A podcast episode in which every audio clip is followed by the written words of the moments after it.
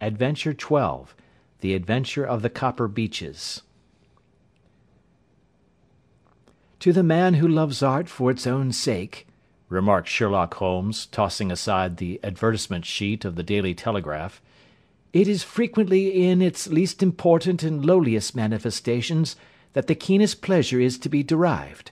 It is pleasant to me to observe, Watson, that you have so far grasped this truth that in these little records of our cases which you have been good enough to draw up, and, I am bound to say, occasionally to embellish, you have given prominence not so much to the many causes célèbres and sensational trials in which I have figured, but rather to those incidents which may have been trivial in themselves, but which have given room for those faculties of deduction and of logical synthesis which I have made my special province." "And yet," said I, smiling, "I cannot quite hold myself absolved from the charge of sensationalism which has been urged against my records."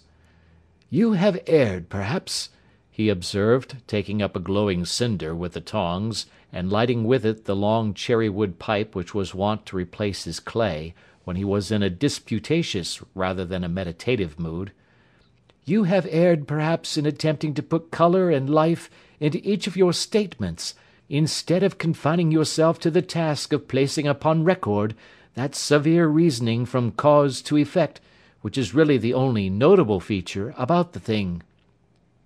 "It seems to me that I have done you full justice in the matter," I remarked, with some coldness, for I was repelled by the egotism which I had more than once observed to be a strong factor in my friend's singular character.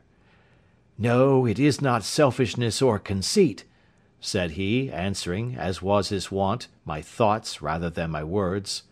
If I claim full justice for my art, it is because it is an impersonal thing, a thing beyond myself.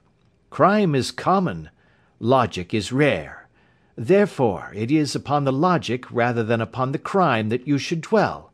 You have degraded what should have been a course of lectures into a series of tales. It was a cold morning of the early spring, and we sat after breakfast on either side of a cheery fire in the old room at Baker Street. A thick fog rolled down between the lines of dun coloured houses, and the opposing windows loomed like dark, shapeless blurs through the heavy yellow wreaths. Our gas was lit, and shone on the white cloth and glimmer of china and metal, for the table had not been cleared yet. Sherlock Holmes had been silent all the morning, clipping continuously into the advertisement columns of a succession of papers, until at last, having apparently given up his search, he had emerged in no very sweet temper to lecture me upon my literary shortcomings. "At the same time," he remarked, after a pause, during which he had sat puffing at his long pipe and gazing down into the fire, you can hardly be open to a charge of sensationalism, for out of these causes which you have been so kind as to interest yourself in, a fair proportion do not treat of crime, in its legal sense, at all. The small matter in which I endeavoured to help the King of Bohemia, the singular experience of Miss Mary Sutherland, the problem connected with the man with the twisted lip, and the incident of the noble bachelor, were all matters which are outside the pale of the law. But in avoiding the sensational, I fear that you may have bordered on the trivial."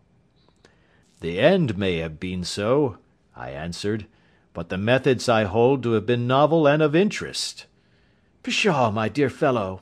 What do the public, the great unobservant public, who could hardly tell a weaver by his tooth or a compositor by his left thumb, care about the finer shades of analysis and deduction. But, indeed, if you are trivial, I cannot blame you, for the days of the great cases are past. Man, or at least criminal man, has lost all enterprise and originality.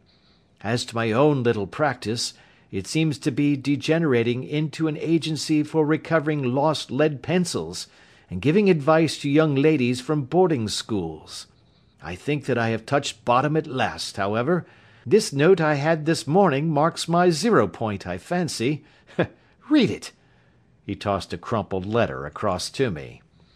It was dated from Montague Place upon the preceding evening, and ran thus: "Dear Mr. Holmes, I am very anxious to consult you as to whether I should or should not accept a situation which has been offered to me as governess.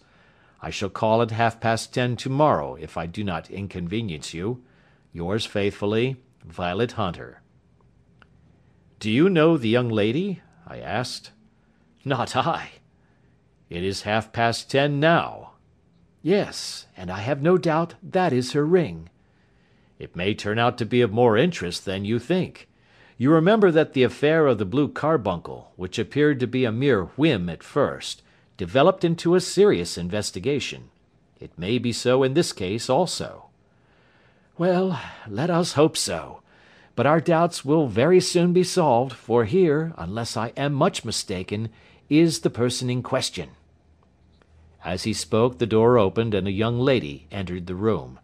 She was plainly but neatly dressed, with a bright, quick face, freckled like a plover's egg, and with the brisk manner of a woman who has had her own way to make in the world. "You will excuse my troubling you, I am sure," said she, as my companion arose to greet her, "but I have had a very strange experience, and as I have no parents or relations of any sort from whom I could ask advice. I thought that perhaps you would be kind enough to tell me what I should do." "Pray take a seat, Miss Hunter. I shall be happy to do anything that I can to serve you." I could see that Holmes was favourably impressed by the manner and speech of his new client. He looked her over in his searching fashion, and then composed himself, with his lids drooping and his finger tips together, to listen to her story. "I have been a governess for five years," said she, "in the family of Colonel Spence Munro; but two months ago the Colonel received an appointment at Halifax, in Nova Scotia, and took his children over to America with him, so that I found myself without a situation. I advertised, and I answered advertisements, but without success. At last the little money which I had saved began to run short and I was at my wits' end as to what I should do. There is a well known agency for governesses in the West End called Westaways, and there I used to call about once a week in order to see whether anything had turned up which might suit me. Westaway was the name of the founder of the business, but it is really managed by Miss Stoper. She sits in her own little office, and the ladies who are seeking employment wait in an anteroom, and are then shown in one by one when she consults her ledgers and sees whether she has anything which would suit them. Well, when I called last week, I was shown into the little office as usual, but I found that Miss Stoper was not alone. A prodigiously stout man with a very smiling face and a great heavy chin, which rolled down in fold upon fold over his throat, sat at her elbow with a pair of glasses on his nose, looking very earnestly at the ladies who entered. As I came in he gave quite a jump in his chair, and turned quickly to Miss Stoper. "That will do," said he. "I could not ask for anything better. Capital! capital!" He seemed quite enthusiastic, and rubbed his hands together in the most genial fashion. He was such a comfortable looking man that it was quite a pleasure to look at him.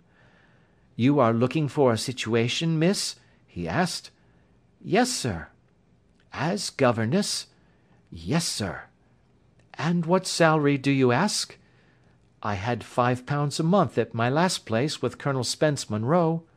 "Oh, tut, tut! Sweating! rank sweating!" he cried, throwing his fat hands out into the air, like a man who is in a boiling passion. "How could any one offer so pitiful a sum to a lady with such attractions and accomplishments?" "My accomplishments, sir! may be less than you imagine," said I. "A little French, a little German, music, and drawing—" "Tut, tut!" he cried. "This is all quite beside the question. The point is, have you or have you not the bearing and deportment of a lady? There it is in a nutshell. If you have not, you are not fitted for the rearing of a child who may some day play a considerable part in the history of the country. But if you have, why, then, how could any gentleman ask you to condescend to accept anything under the three figures?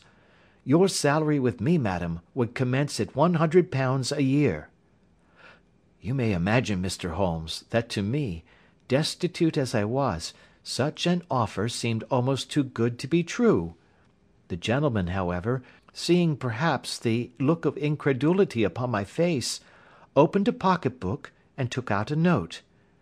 It is also my custom, said he, smiling in the most pleasant fashion until his eyes were just two little shining slits amid the white creases of his face, to advance to my young ladies half their salary beforehand, so that they may meet any little expenses of their journey and their wardrobe.